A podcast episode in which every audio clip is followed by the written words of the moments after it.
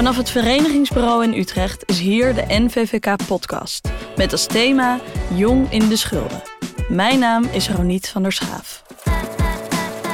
In deze podcast neem ik jullie mee in de wereld van de jongere schuldhulpverlening.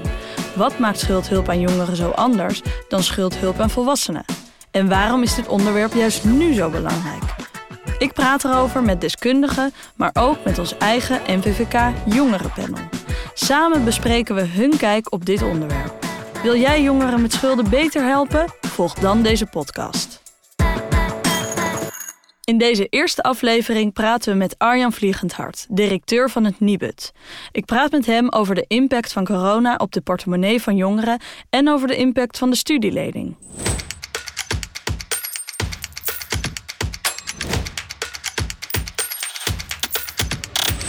Arjan Vliegendhart zit hier voor mij, directeur van het Nibud.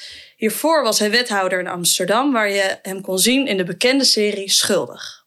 Hij ziet het als zijn maatschappelijke plicht om kwetsbare mensen uit de armoede te houden en wijdt hier zijn hele werkzame leven aan.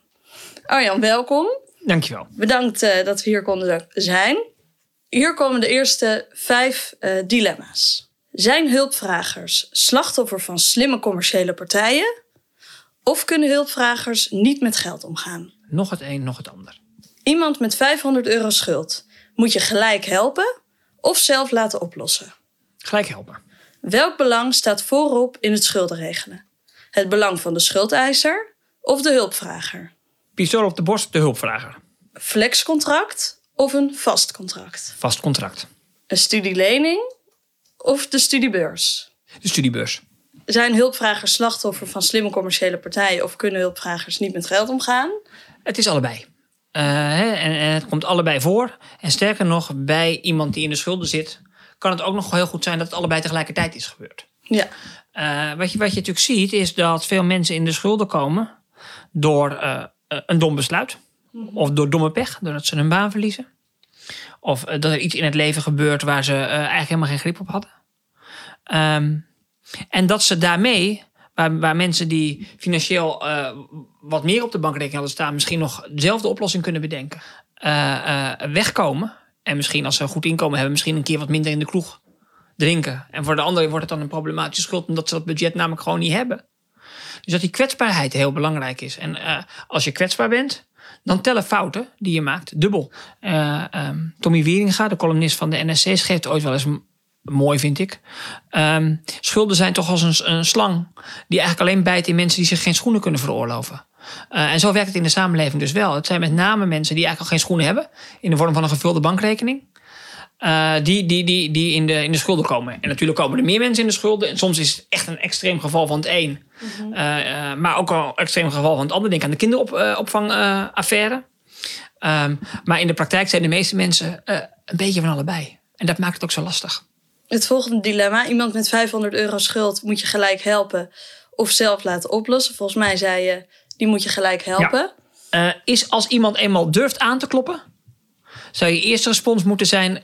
even kijken of ik hem kan helpen... in plaats van ik stuur hem terug met zijn uh, ongeopende uh, boodschappentas... om eerst even zijn eigen administratie op orde ja. te maken. Hoe klein die schulden ook zijn. Mm -hmm. We weten, en dat laat elk onderzoek toch elke keer weer opnieuw zien... dat praten over geld ontzettend lastig is. En dat het vaak ook gewoon taboe is. Dus iemand die zichzelf heeft overwonnen. En over die drempel van de schuldhulpverlening heeft durven binnen te komen. Dat moet je belonen. Dat moet je belonen. Ja, en dan ja. moet je niet zeggen: joh, ga je eens naar huis, uh, ga je administratie op orde brengen uh, en kom dan terug. Het kan natuurlijk wel zijn dat je in het proces op een gegeven moment mensen natuurlijk ook weer deel van de regie en de verantwoordelijkheid teruggeeft. Mm -hmm. Maar op het moment dat iemand de, de, de drempel overkomt, en dat is vaak ook een hele grote psychologische mm -hmm. drempel, is het volgens mij gewoon goed omdat je eerst naast iemand gaat staan. Ja. Het voorkomen van schulden en het snel helpen van uh, schulden, mensen met schulden, mm -hmm. dat is een maatschappelijke investering die zich dubbel en dwars terugbetaalt. Als je bedenkt dat een simpele huisuitzetting vaak al 30.000 euro aan maatschappelijke kosten met zich meebrengt. En als er kinderen in het spel zijn, loopt al gauw op naar een ton. Mm -hmm. uh, dan is het gewoon penny wise, pound foolish om daarop, daarop te snijden. Dus ik denk dat, en dat zien steeds meer gemeenten gelukkig. En dat ontslaat ze niet van de worsteling om te kijken van wie wel en wie niet. En hoe, hoe snel en hoe diep. Uh, maar uh, het besef dat dit moet, uh, mede misschien wel door die serie Schuldig waar je het over had, is denk ik wel een heel stuk groter geworden. En dat is winst van de afgelopen jaren. Dus wat zou jouw belangrijkste boodschap zijn voor de politiek? Ja, blijf investeren. Ook voor het nieuwe kabinet. Blijf investeren in vroegsignalering. Blijf investeren in preventie. Kies daarbij ook heel nadrukkelijk voor jongeren. Waarin we zien dat er een, gewoon een grote, grote kwetsbaarheid is. Uh, jongeren die ook vertellen dat ze in schulden kwamen. Met het idee van als je 18 wordt, dan wordt je handtekening uh, goud waard. Dan kun je er van alles mee aanschaffen, maar daarmee kun je ook in de schulden komen. Zonder dat je het misschien zelf in de, in, de gaten hebt. En hoe eerder je die jongeren weer op de been hebt. En ze dus of naar school krijgt of aan het werk hoe minder maatschappelijke kosten je draagt. Dus ik denk dat voor, ook voor het nieuwe kabinet en voor de nieuwe gemeente die volgend jaar weer, de nieuwe gemeenteraadsverkiezingen zijn ook alweer in aantocht, is denk ik de belangrijkste les. Blijf investeren in vroegsignalering, blijf investeren in preventie. En kijk daarin ook en vooral naar jongeren. Het derde dilemma. Welk belang staat voorop in het schuldenregelen? Het belang van de schuldeiser of de hulpvrager? Volgens mij wist je al snel het antwoord, namelijk de hulpvrager. Ja. En waarom wist je zo snel? Uh... Nou ja, kijk, zeker met pistool op de borst uh, de, de hulpvrager. Omdat natuurlijk uiteindelijk hè, uh, schuld regelen is een, is een belangenafweging tussen de belangen van de schuldeiser en van de, van de schuldenaar. En kijk, in Nederland hebben we een systeem wat ongelooflijk gejuridiseerd is. en zowel de, de belangen van de een als van de ander liggen in allerlei wetten en, en regels met elkaar, met elkaar vast. Mm -hmm. maar uiteindelijk is het toch zo dat in de samenleving de kwetsbaarste groep zijn de mensen die de schulden hebben. Het is veel zaliger om uh, geld te mogen vragen. Hoe pijnlijk en kwetsbaar dat ook kan zijn hè, voor een individuele ondernemer. Die uh, ook voor, gewoon voor het voortbestaan van zijn bedrijf uh, ervan afhankelijk is dat mensen hem betalen. Maar uiteindelijk is het echt veel zaliger om te mogen vragen dan dat je moet geven. dus als het dan gaat om wie verdient er de meeste bescherming, dan zou ik zeggen, pistool op de borst, ehm, dan is dat toch gewoon ook degene die de schulden heeft. Uh, die heeft al vaak uh, heel veel ellende voordat hij uh, met, zijn, met, zijn, met zijn vraag komt. Dilemma 4. Flexcontract of vast contract? Ja, vast, vast contract. Oké. Okay. En, en het is iets wat heel veel jongeren ontzettend graag zouden willen. Al was het maar om in het leven te starten, om een huis te kunnen kopen. Mm -hmm. Misschien om dan wel te gaan samenwonen en een gezin te beginnen. Ja. Uh, dus dat, dat, dat is zo. En wat je ziet is dat jongeren, uh, dat zien we ook in ons onderzoek rond de coronacrisis, daarin echt wel kwetsbaar zijn. Mm -hmm. uh, de huidige generatie jongeren, zeker als ze gestudeerd hebben, beginnen vaak met een studieschuld. Ja. Op een woningmarkt waar die oververhit is, waar de huren hoog zijn en een, een koopwoning vaak helemaal niet te betalen is. En dan ook nog op een arbeidsmarkt waarin zekerheid vaak ver te zoeken is. Dus ik denk dat die huidige generatie jongeren ook in veel opzichten gewoon kwetsbaar is. Ja. Uh, en dat voor hen meer zekerheid, ook over het inkomen en daarmee over hun bestaan, uh, van groot belang is. Oké. Okay. En als we dan kijken naar de studenten bijvoorbeeld, die naast hun studie willen werken ja. En best wel gebaat kunnen zijn bij een flexcontract, omdat ze. Uh, omdat vrijheid voor hen belangrijk is. En met een vast contract moet je vaak een x aantal uur per week ja. aanwezig zijn. Hoe kijk je daar tegenaan? Nou, kijk, dat is natuurlijk zo. Hè? Dus daar waar mensen vrijwillig ZZP'er willen worden. Ja. Of uh, vrijwillig, uh, zeker als student, denken van ik wil een beetje flexibiliteit in mijn eigen leven hebben. Is natuurlijk helemaal niks mis met, met een flexcontract. Ja. Alleen we weten wel, of we zien wel, dat een flexcontract een veel minder solide basis geeft als je je leven financieel wil opbouwen. Mm -hmm dan, dan een vaste aanstelling. En dan zijn studenten gelukkig met het opbouwen van hun financiële toekomst misschien helemaal niet bezig als student. Ja. Maar hebben ze hele andere zorgen, wensen en verlangens. Mm -hmm. Namelijk uh, uh, de wereld ontdekken, uh, ja. leren, klaar, klaar worden voor het echte leven. Dan is dat misschien wat minder acuut en urgent. Maar zodra ze de studiebanken verlaten en aan de slag gaan, dan komen dit soort vragen toch eigenlijk ook wel vaak om de hoek. Ja. Uh, en, dan, en dan zien we natuurlijk, en dat zien we breed in onze samenleving, dat jongeren daar toch vaak uh, nou, uh, het wat lastiger hebben dan ook generaties voor hen. Als het gaat om het vinden van een vaste baan. Ja. Aan het begin van de coronacrisis, wat je net al zei, kwam naar voren dat jongeren een financieel kwetsbare doelgroep zijn. Hoe is dit volgens jou te verklaren? Nee, maar je ziet een aantal kwetsbaarheden bij elkaar komen. Mm -hmm. Dus je ziet dat jongeren die nu uh, aan hun loopbaan beginnen, vaak al een studieschuld hebben. Die ze moeten terugbetalen, maar die ook bepaalt hoeveel ze kunnen lenen als ze een huis zouden willen kopen. We zien dus dat jongeren het lastig hebben op de woningmarkt, mm -hmm. omdat de huren hoog zijn en uh, koopwoningen vaak onbetaalbaar. Dat is de tweede, tweede kwetsbaarheid. En we zien het op de arbeidsmarkt, waar we zien dat deze groep boven, boven gemiddeld in flexcontracten zit of als ZZP'er aan de slag is. Mm -hmm. Deels uit eigen keuze, maar deels ook uh, noodgedwongen. Ja. Waardoor ze dat ook, uh, waarin ze dus ook kwetsbaar zijn. Dus het is ook niet zozeer dat het nou één puntje is waar die kwetsbaarheid naar voren komt. Maar het is met name de optelsom ja. van een beginnende schuld. Lastig op, uh, om een betaalbaar huis te vinden. En dan ook nog lastig om een, om een, ba- een baan te vinden die zekerheid biedt. Die bij elkaar opgeteld tot, eh, tot die kwetsbaarheid leidt. Oké, we hebben dus tijdens de coronatijd kunnen zien... jongeren zijn een kwetsbare doelgroep. Welke les kunnen we hier nou het beste uit trekken? Nou, ik, denk dat, eh, dat, ik denk dat de NVVK daar al een belangrijke les in heeft getrokken. Door toch ook iets meer de nadruk te vestigen op bestaanszekerheid. Ja. Eh, en dat je toch ook, en dat dat ook voor de jonge generatie ook wel eh, geldt. En je ziet dat natuurlijk dus nu breder. Ik, zie, ik eh, haalde het rapport van de CER al aan, waarin dat ook gewoon door, door de polder, hè, dat zijn werkgevers en werknemers, wordt, eh, wordt, eh, wordt erkend. We zien het in, eh, in het rapport van de commissie Borstlab over de toekomst van werk. Dus het idee dat dat een kwetsbare groep is, ik denk dat dat eh, steeds breder ingang vindt. En tegelijkertijd merk je natuurlijk dat de veranderingen die je wil maken, soms even tijd duren. En je hebt niet zomaar een eenvoudige oplossing voor de woningmarkt. Niet zomaar een eenvoudige oplossing voor de arbeidsmarkt. Nee. En ik denk dat ze tijdens de huidige formatie uitgebreid zullen praten over het leenstelsel. Misschien is dat wel degene die het eerst eh, op een andere manier vorm wordt gegeven. Ja. Maar juist omdat het een optelsom van dingen is, is de oplossing ook een optelsom van goede maatregelen die ervoor zorgen dat er iets meer bestaanszekerheid en daarmee iets meer grond onder de voeten komt van, eh, van jongeren. Het vijfde dilemma, we begonnen er net al heel even over. De studielening of de studiebeurs. En daarmee doe ik op het oude stelsel. Eh, je koos voor studiebeurs. We hebben natuurlijk wel vorig jaar, vorige week onze, onze studentenonderzoek laten zien. En we zien dat jongeren zich meer zorgen maken. En dat jongeren afhankelijker worden van hun ouders. En vooral dat laatste vinden we eh, om twee redenen kwetsbaar. We zien dat eh, lang niet alle ouders hun kinderen financieel kunnen steunen in hun studententijd.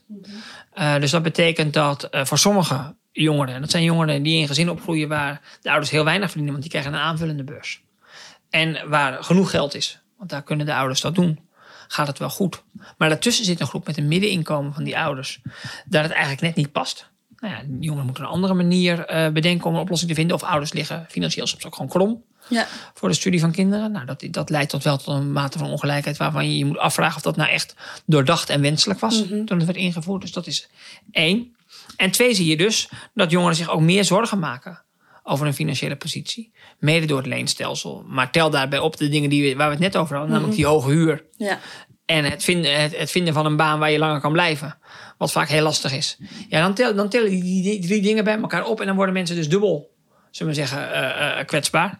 Dus dan, dan denk ik vanuit, gewoon, vanuit het idee dat je eh, ook als student moet leren met geld omgaan. En dat eh, het ook een tijd is waarin je onafhankelijk wordt van je ouders. Dat daarin een beurs misschien wel beter werkt Ja. dan een leenstelsel. Maar uiteindelijk, kijk, daar gaat het niet, niet over.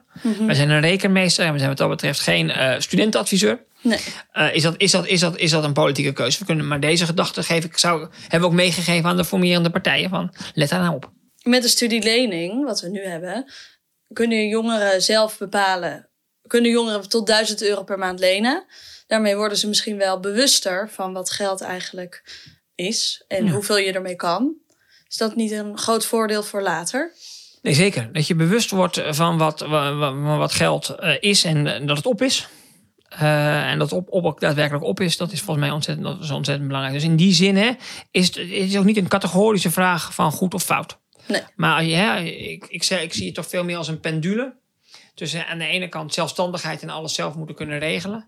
En aan de andere kant ook weten, en dat weten we bijvoorbeeld ook uit, eh, eh, uit- uit onderzoek naar hersenen, dat de volwassenwording van de hersenen en ook dus daarmee het goed met geld om kunnen gaan en ook goed kunnen inschatten, met name wat de risico's zijn. Ja, Dat dat pas eigenlijk in de, als je al voorbij de twintig bent, helemaal tot vo- eh, volle, volle wasdom komt.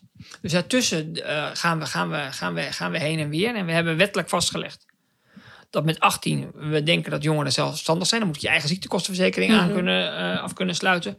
Je moet lenen inderdaad voor je, voor, je, voor je studie. Maar je kunt ook allerlei andere leningen afsluiten. En ik denk dat daar in de pendule misschien iets te ver door is geslagen. Richting het idee dat jongeren dat allemaal eh, maar zelf moeten kunnen.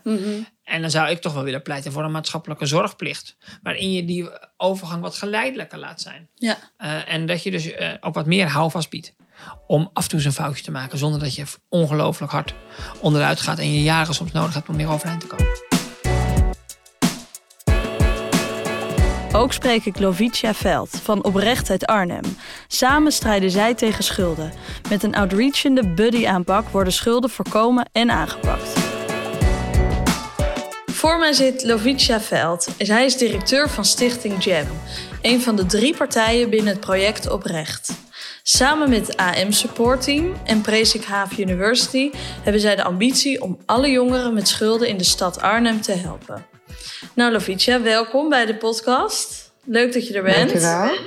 Zoals bij iedereen eh, leg ik bij jou ook vijf dilemma's voor. Hier komen ze. Zijn hulpvragers slachtoffer van slimme commerciële partijen of kunnen hulpvragers niet met geld omgaan? Slachtoffer. Iemand met 500 euro schuld gelijk helpen of zelf laten oplossen? Gelijk helpen. Welk belang staat voorop in het schuldenregelen? Het belang van de schuldeiser of de hulpvrager? De hulpvrager. Beginnen we bij jongeren het liefst zo snel mogelijk met, met het schuldenregelen? Of wachten we tot de jongere zijn of haar leven volledig op orde heeft? Schulden regelen. Datagedreven vroegsignalering of financieel spreekuur waar de jongeren zelf op af moeten komen? Financieel spreekuur. Nou, dankjewel. Alsjeblieft. Zijn hulpvragers slachtoffer van slimme commerciële partijen of kunnen hulpvragers niet met geld omgaan? Je was er al snel uh, over eens dat het de eerste zou zijn. Ja, klopt. Uh, ja, niet, niet omgaan met geld uh, vind ik dan te gemakkelijk. als je ziet wat de rol is van, van sociale, social media en, en partijen, hè, hoe dat ook werkt. Um, uh, ook al zou je je daar bewust van zijn, is het toch nog moeilijk om dan uh, je daar niet aan toe te geven of in mee te gaan. Dus daarom uh, mijn keuze dat, dat dat echt wel vaak wel ligt aan de commerciële partijen. Hulpvragers zijn vaak het slachtoffer van social media advertenties en andere, ander type advertenties. Um, ik hoor ook vaak mensen die zeggen schulden is vaak domme pech. Hoe kijk je daar tegenaan? Het is denk ik niet domme pech, het is ontwetendheid. Ik denk dat kennis macht is. En dat ontbreekt vaak. Oké. Okay. En wat voor kennis moet ik dan aan denken? Ik denk dat met alles, um, uh, voorbeeld studiefinanciering. Um, als je met jongeren bijvoorbeeld hebt over studiefinanciering, dan uh, denken zij, oh ja, dat is gewoon makkelijk. Dat, dat krijg je als je start met studeren, punt. Maar weten niet dat het een lening is. En dat je dat ook weer terug moet betalen uh, en hoe lang dat ook is. En dat je zelf in de hand kan hebben hoeveel ga je erbij lenen of, ga of ga je überhaupt lenen. Het zijn van die kleine, uh, belangrijke dingen die je moet weten. Uh, maar dat wordt je niet zo 1, 2, 3 uitgelegd. Geldt ook met dingen als Afterpay. Weet je, het lijkt nu makkelijk. Nu iets kopen en over een maand betalen. Maar ja, wie leest nou eigenlijk de kleine uh, regeltjes onder in, uh, in een mail of in een, in een brief? En je noemde Afterpay en Duo. Zijn er ook nog andere um, partijen die je vaak tegenkomt? Waar jongeren de fout in gaan? Zorgverzekering. Dat zien we heel veel. Dat is dan niet de commerciële partij, maar is wel altijd wel uh, waar een uh, hoge schuld vaak ook wel is bij jongeren.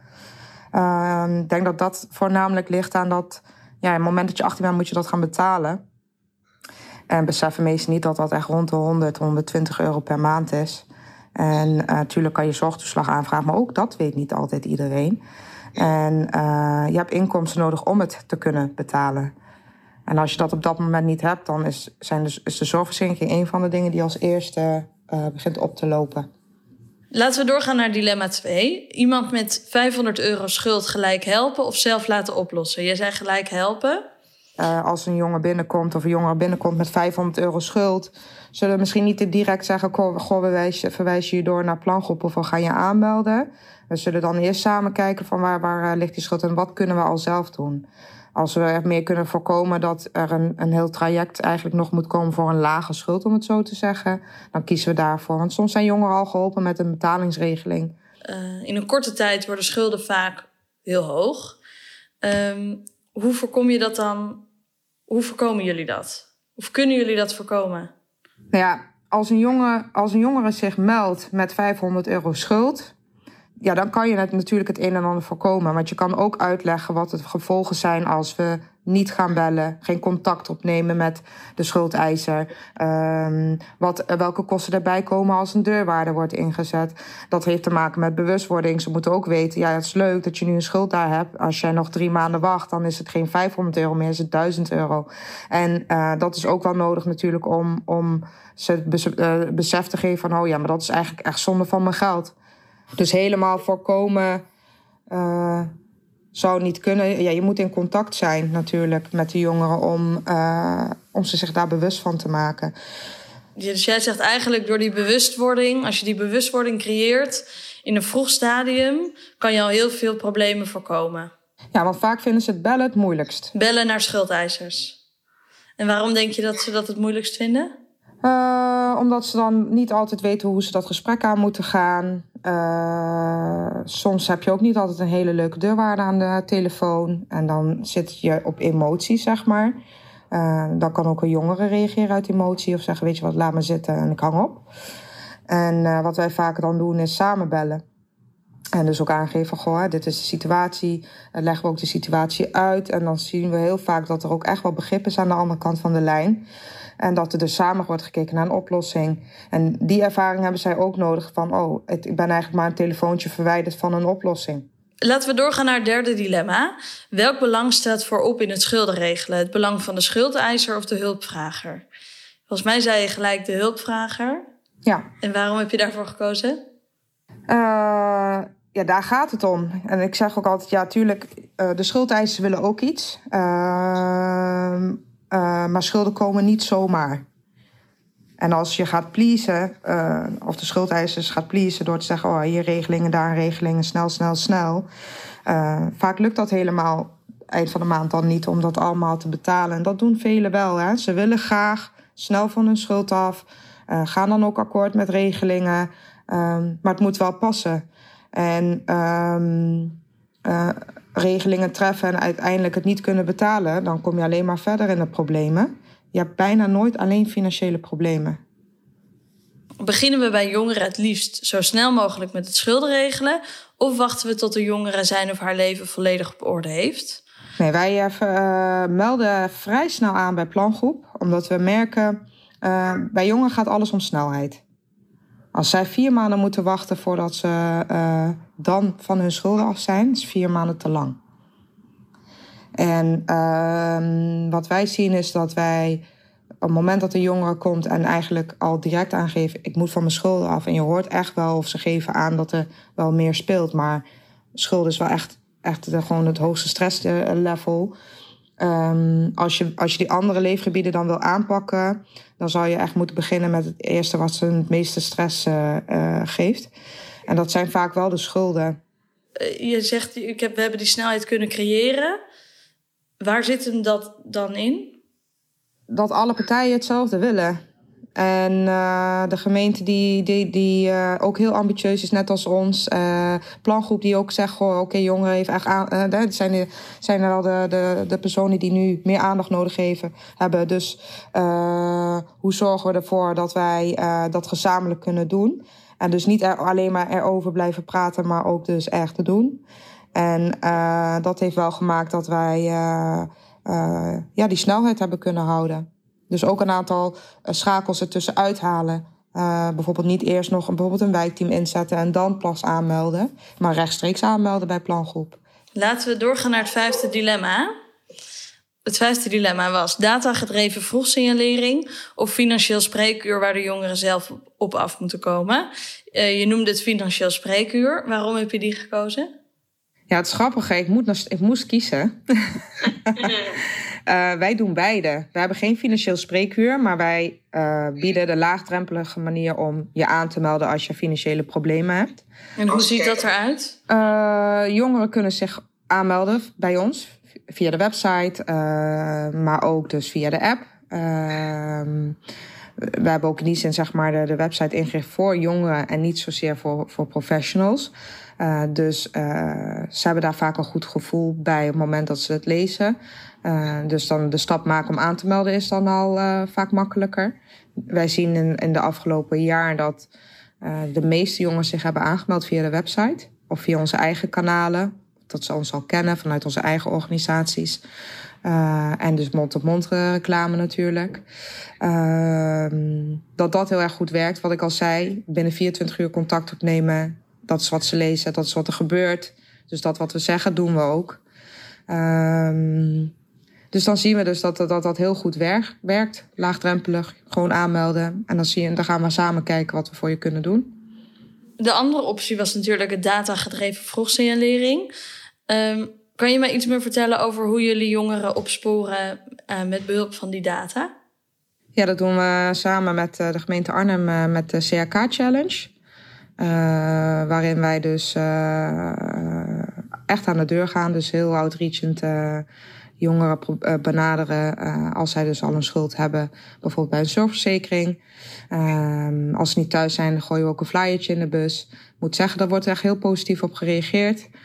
Uh, dat ze uh, het eigenlijk best wel prettig vinden dat er een persoonlijke benadering uh, zit van goh, hè, zien dat je een schuld hebt, zou je er over in gesprek willen gaan? We zeggen niet van hey, je moet je aanmelden of je moet het oplossen of meld je aan, maar gewoon het gesprek aangaan. Dat kan soms voor de deur zijn, soms word je ook binnengelaten. En dan zijn er eigenlijk hele mooie gesprekken.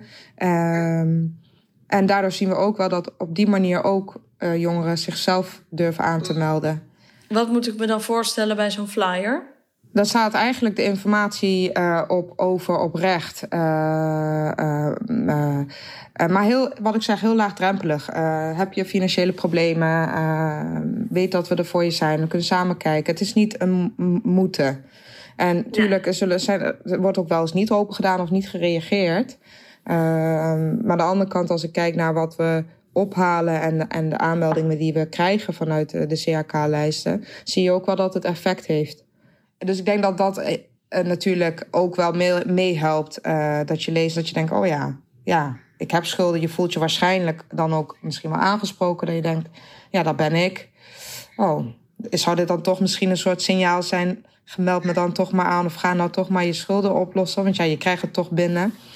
Um, in plaats van een, een, een brief waar naam, toenaam in staat. U heeft een schuld bij en u kunt zich melden bij. Ja, dat uh, is, een, is een wat koudere benadering, denk ik. Ja, dus echt de manier waarop jongeren ook graag communiceren, daarop inspelen. Ja.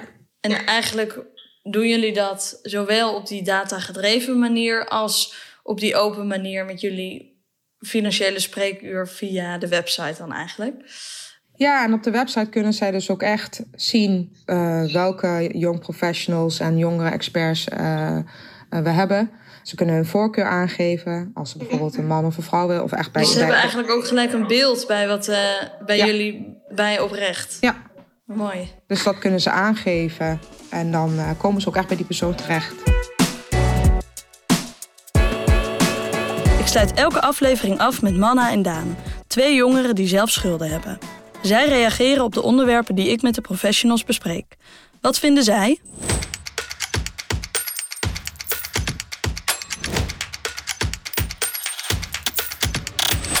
Is er volgens jullie ook een taboe om over geldproblemen te praten?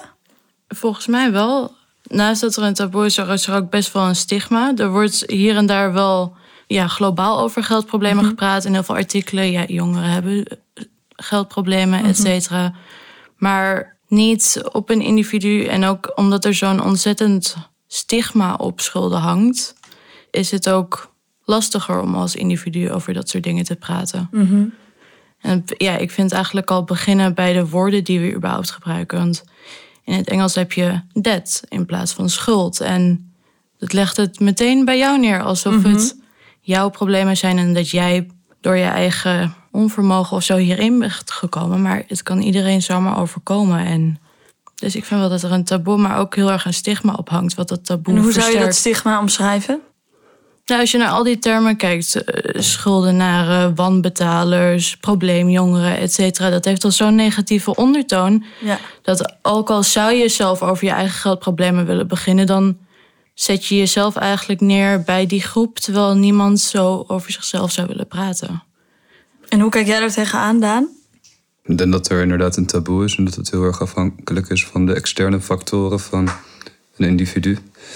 Um, en ik denk dus dat, dat mensen die opgroeien in een lage inkomensgrens, weet je wel, ouders, dan, dat dat heel erg uh, overgenomen wordt. Stel, je ouders die zijn onhandig met geld, die kampen eigenlijk met dezelfde problemen als ik zou kampen met mhm. schulden, dan is dat bijna een soort van uh, genetisch bepaald. En zodoende is dat heel, ik vind dat heel scheef, omdat mm het eigenlijk uh, zou je verwachten van een land, een, een westers Europe, uh, Europees land als Nederland, dat gelijkheid hoog in het vaandel staat. Maar het tegendeel is al heel erg lang waar. En als we het hebben over het vragen om hulp, hebben jullie ooit zo'n drempel ervaren om, om hulp te vragen? Nou, ik persoonlijk wel. Ik ben met de alleenstaande moeder opgegroeid en zij heeft een supersterke persoonlijkheid. Uh, maar dat houdt wel een, dat een van haar ja, zwakke plekken hulpvragen is. En ja, je doet gewoon alles zelf. En je moet niet van mensen verwachten dat ze dingen voor je kan doen. Je kan beter alles zelf gewoon regelen. En dat is tot op bepaalde hoogte supergoed. Mm Maar nu, als ik ja, volwassenen daarnaar kijk, zie ik ook dat het voor haar bijvoorbeeld heel moeilijk is om hulp te vragen bij dingen wat ja, je leven wel een stuk moeilijker kan maken. Mhm. En ja, daarnaast is er ook nog best wel een grote drempel, omdat het voor mij persoonlijk op dat moment, um, ja, bij mij waren mijn schulden wel problematisch, maar niet problematisch genoeg om aan heel veel voorwaarden te doen van mhm. schuldtrajecten. Dus als je dan op het punt zit, oké, nou ja, misschien heb ik hulp nodig en je gaat het opzoeken. En je voldoet telkens niet aan de, net niet aan de ja, voorwaarden om hulp te krijgen. Heb je zoiets van, ja, nou oké, zoek ik het zelf wel verder uit, want ik weet het anders ook niet. En toen werden die schulden alleen maar hoger. Ja, want je hebt geen hulp en je gaat gewoon verder. Maar wat je aan het doen bent, gaat eigenlijk dus niet goed. Want je hebt al schulden. En als je zo door blijft gaan, ja, moet je op een gegeven moment wel hulp gaan vragen. En tegenwoordig ben ik daar veel beter in, mhm. gelukkig. Maar ik heb dat vroeger wel echt ervaren, die drempel. En hoe, als we dan teruggaan naar dat taboe op geld, hoe, hoe, hoe zien jullie dat dan terug in waar we het nu over hebben, over het maatwerk en het complete plaatje? dat het in zijn geheel dus alomvattender is. En dat je niet uh, specifiek op het. Uh, ja, het financiën is natuurlijk een, een groot deel, maar, maar een persona, vooral een persona die dus al hulp nodig heeft, is complexer. En dat is een beetje waar ik naartoe wou net van. Ja. Uh, het, het, moet veel, veel, veel specialistischer mm om effectief te zijn. Wat was dat ene zetje wat jullie hielp? Nou, bij mij werden de problemen gewoon te erg. Dat ik zoiets had van ja, je krijgt boze brief naar boze brief naar boze brief. En daar kan je best wel lang mee leven. Maar op een gegeven moment, als je dan meerdere keren dreigt hebt van ja, we komen je woning leeghalen. En nou ja, niemand wil zo leven. En mm -hmm. van nou, ik red het duidelijk echt niet in mijn eentje. Laat ik toch maar nog weer naar iets gaan zoeken waar ik misschien wel in aanmerking kom voor hulp. Ja, en hoe wist je dan waar je naartoe moest? Of was dat een zoektocht? Dat was wel echt een zoektocht. Ja. Ja, ik wou geen niet de standaard. Ik heb zelf een maatschappelijke studie gedaan. Twee jaar lang tot mijn burn-out heb ik daarmee moeten stoppen. Maar ik weet heel veel gemeentelijke trajecten en heel veel zorgtrajecten. Ik weet best wel goed hoe dat in zijn werk gaat. En die hele intense controle over mijn eigen leven weggeven aan iemand anders, dat zag ik totaal niet zitten. Want zo zit ik niet in elkaar. En zoveel hulp heb ik dan ook misschien niet echt nodig. Dus dat was wel echt een zoektocht om een alternatief te vinden. Ja. En waar, en waar begin je dan? Hoe, toen je dacht, oké, ik heb echt nu hulp nodig, waar... Ja, ik Want voor, voor, ik denk voor uh, schuldhulpverleners, voor gemeenten die schuldhulpverlening bieden, is het super moeilijk om jongeren te vinden. Um, dus waar zouden jullie, wat zouden jullie zeggen? Waar moeten, waar moeten jongeren schuldhulpverleners naartoe om jongeren met problemen, met financiële problemen te vinden? Uh, waar moeten ze zichtbaar zijn? Wat had voor jullie geholpen? Internet. Internet. Ik ben, ik ben begonnen op Google en de meeste resultaten die ik kreeg waren echt allemaal bewindvoering of ja, oh betaalde schuldhulpverlening. Dat je uiteindelijk nog meer kwijt oh bent dan de schulden die je al hebt en dat soort dingen. En het heeft bij mij best wel een tijdje geduurd totdat ik ja, Ontsprang de stichting waar ik ben ja. terechtgekomen heb gevonden. Daar ben ik heel blij mee uiteindelijk. Mhm. Maar ik denk dat, ja, en, en jij daar? een gemeente kan, kan kijken of er bijvoorbeeld uh, structureel geen uh, zorg betaald is. En Ja. als, als, dat is dan weer een van de eerste signalen die, die je krijgt als iemand in beginnende schulden zit. Ja. Dus ik, eh, ik, ik denk dat gemeenten eh, zo'n register zou moeten gebruiken, Ja. contacteren. Want ik denk ook dat de meeste mensen moeite hebben met hulp. Wat is er volgens jullie voor nodig om het taboe om, om geld te doorbreken? Misschien ligt het aan die woorden als... eh, Ja, ik zit wel echt aan de, aan de stigmatisering en benaming te denken. Als we daar al anders naar kijken en ook naar media bijvoorbeeld. Zoals je ziet, er zijn heel veel artikelen over jongeren kunnen niet rondkomen. 33% van de jongeren leeft met schulden, bla bla bla. Maar er is geen. Het is wel, kijk, hier is een probleem, maar het is nooit, kijk, hier is een probleem, wat kunnen we hier aan doen als maatschappij? Want het is een maatschappelijk probleem. Als er zoveel jongeren in armoede leven, dat betekent dat er iets mis is met het systeem. En dat Ja. het systeem is ons allemaal. ja. Maar zo wordt dit wordt bij de schuldenaren neergelegd: van ja, jullie hebben problemen. Ja. En kijk maar wat je doet. Het taboe ligt hem denk ik ook in het eh oneerlijke van de situatie. Bedoel, je kijkt om je heen en je ziet hoe mensen ermee smijten. Eh, je ziet hoe, hoe vanzelfsprekend het is voor een ene, ene mensenleven. En hoe verreed het is dat je zelf, weet je wel, hoe met honger in je maag Ja. zit in, in een rijk land als dit. Ja. Dat is voor mij waar, waar, waar, waar de kern zit. ja. Je wordt, als je 18 bent, meteen in de diepe gegooid. Er zijn heel veel dingen aan belastingen, zorgverzekeringen, die je in één keer allemaal moet weten hoe dat werkt. En als je vanuit thuis al niet een hele gezonde financiële opvoeding hebt gehad, is dat al super lastig. En om dan je premie te blijven betalen en zorgtoeslag en je baan. Eh, Ik denk dat daar in het begin heel veel misgaan. En met ja, zorgtoeslag, ik bedoel zorgpremie, achterlopen. En dan wil je betalingsregeling betalen, maar dan niet je premie kunnen betalen. Dat loopt heel snel op. En ik denk dat het een grote kans is dat dat een heel erg ja, een red flag is. Van Ja. hier gaat iemand in de problemen komen. Arjen Vliegendhart, de directeur van het Nibud, die zegt: jongeren zijn financieel een kwetsbare doelgroep. Al helemaal in de coronatijd werd dit pijnlijk duidelijk.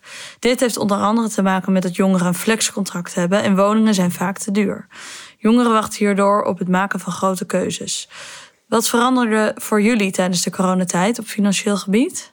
Corona heeft er gewoon voor, gezorgd dat eh, alle initiatieven toch op een andere manier moeten opereren. Dat de, dat de huizen, huizenmarkt, eh, vooral voor, voor jongere mensen, helemaal op zijn kop ligt. Dat Ja. pandjesmelkers de hoofdprijs blijven vragen.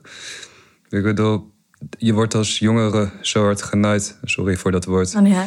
Maar eh, het is toch niet gek dat er heel veel onvrede bestaat. Dat er Ja. heel veel. Dat, dat er. eh, Er is een conflict waar wij niet in kunnen winnen. En hoe was dat voor jou, Manna? Wat veranderde voor jou tijdens de coronatijd op financieel gebied? Ja, behoorlijk veel. Ik, ehm, ik was ja, eind 2019 net uit een burn-out gekomen. Ik had ehm teruggegaan naar Amsterdam. Ik had een baantje gevonden bij een koffieshop.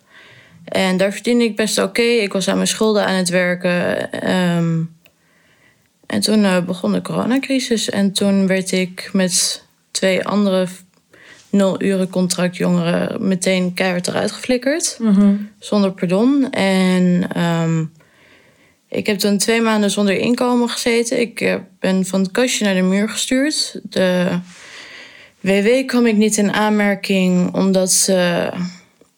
Je moet 26 of 27 weken in loondienst zijn Oh ja. geweest. En op het moment dat ik door corona de deur uit ben gezet, zat ik op 25 weken. Dus ik kwam één week tekort om WW te kunnen krijgen. Ik heb ehm, ja, bijstandsuitkering. Ik woon op een plek waar ik niet kan inschrijven. Dus ik sta bij mijn ouders ingeschreven, waar meerdere volwassenen ingeschreven staan. Dus een bijstand, dat was geen optie. Ik heb eigenlijk chronische gezondheidsklachten, maar ik kan daar niet voor afgekeurd worden. En dat is ook niet de meest ideale optie. Maar ik kon geen kant op. En ik heb twee maanden zonder inkomen gezeten. En ja, gelukkig, ik heb daarvoor als ehm, informeel hulpverlener gewerkt. En ik heb toen via via een, ja, weer een PGB-cliënt gevonden... waar ik één of twee dagen in de week kon werken. En dat heb ik eh, zo zes, zeven maanden moeten uithouden... met ongeveer 400, 600 euro in de maand... tot ik weer een baan kon vinden. Want ik ben wel echt super hard naar alle banen gaan zoeken. Maar met mij zijn er duizenden anderen uitgegooid die ook allemaal aan het zoeken zijn. Ik denk ook dat uh, wat je zegt van uh, een briefadres lukte niet en zo, dat, dat, dat is ook essentieel. Hè? Want mm -hmm. op het moment dat je dat niet eens kan krijgen en je moet je misschien bij, bij je ouders schikken, dan wordt daar weer moeilijk over gedaan. Terwijl, terwijl, terwijl we het over gewoon iemand, een Nederlandse staatsburger hebben en iedereen die, die, die gewoon hier is. Dat, ik snap niet waarom daar überhaupt moeilijk gedaan, over wordt gedaan. Ik bedoel, ja. Het kan frauduleus zijn, maar van de tien zal er, zal er eentje zijn die, die een intentie heeft om Ja. te frauderen. En negen mensen zijn gedupeerd en moeten eh, omwille van bureaucratische eh, bullshit, eh, moeten ze gewoon wachten en, en ook gewoon niet geholpen worden. Ja. Ik klopte aan bij een jongere dakloze opvang waar ik ooit had gezeten Ja. toen ik terugkwam uit Portugal. En ik zei van nou, ik moet nu zo snel mogelijk een briefadres hebben. Het is slechts een formaliteit. Ik, kom, wil hier, ik hoef hier niet te wonen. Ja. Ik bedoel, maar ik moet gewoon verder. Ik moet van A naar B. Ik moet rehabiliteren in onze fantastische samenleving. Dus dat kon niet. En dat, dat, dat was eh één maand verder, twee maanden verder. En dan, dan, dan zit zit je nog dieper in de shit. Ja. En dan word je eigenlijk, is het een self-fulfilling prophecy geworden. Ja, dat is een beetje ironisch, toch? Nou, vooral als je erover nadenkt dat je ouders officieel wettelijk gezien na je 21ste niet meer financieel verantwoordelijk zijn voor je, maar je wordt er wel op afgerekend. Ja. Ja. Wat heeft er voor jullie voor gezorgd dat het, dat het weer een beetje op de rit kwam?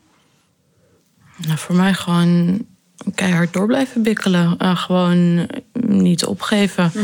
Ik heb nu sinds drie maanden eindelijk eh, ja, een meer dan een jaar nadat ik mijn contract verloor, heb ik nu weer een andere baan bij een koffieshop. En ik heb nog steeds mijn zorgverlener ding. En ik heb mijn schuldentraject destijds gevonden. En die heb ik afgerond. En dat zorgt ook voor heel veel rust. Maar Ja. Ehm, ja, ik ben nog steeds al mijn schulden aan het afbetalen. Ik heb nog steeds eh, niet heel veel geld. Maar ik, eh onkruid vergaat niet. En jij Daan? Ik, eh, ik ging met een maatschappelijke dienst uit. Dat is een eh, traject dat vanuit eh, ook gemeentes wordt gevoerd. Waar jongeren mogen meedoen in een project wat in welzijn of in cultuur kan zijn. En, en je mag je eigen verlengde zoeken en je gaat meedoen. Dat is supergoed gegaan. En daarmee heb ik mijn schulden eigenlijk een soort van helemaal af kunnen betalen. Terwijl het eerst echt veel schulden waren. Dus dat is, daar ben ik heel erg blij mee. Ehm, alleen nu zit ik toch in een, niet in eenzelfde schuit. Maar nu moet ik opnieuw iets gaan vinden eh, waar ik een beetje van mijn ei kwijt kan. In deze aflevering komt ook Lo- Lovicia aan bod. Zo'n jongere schuldhulpverlener uit Arnhem.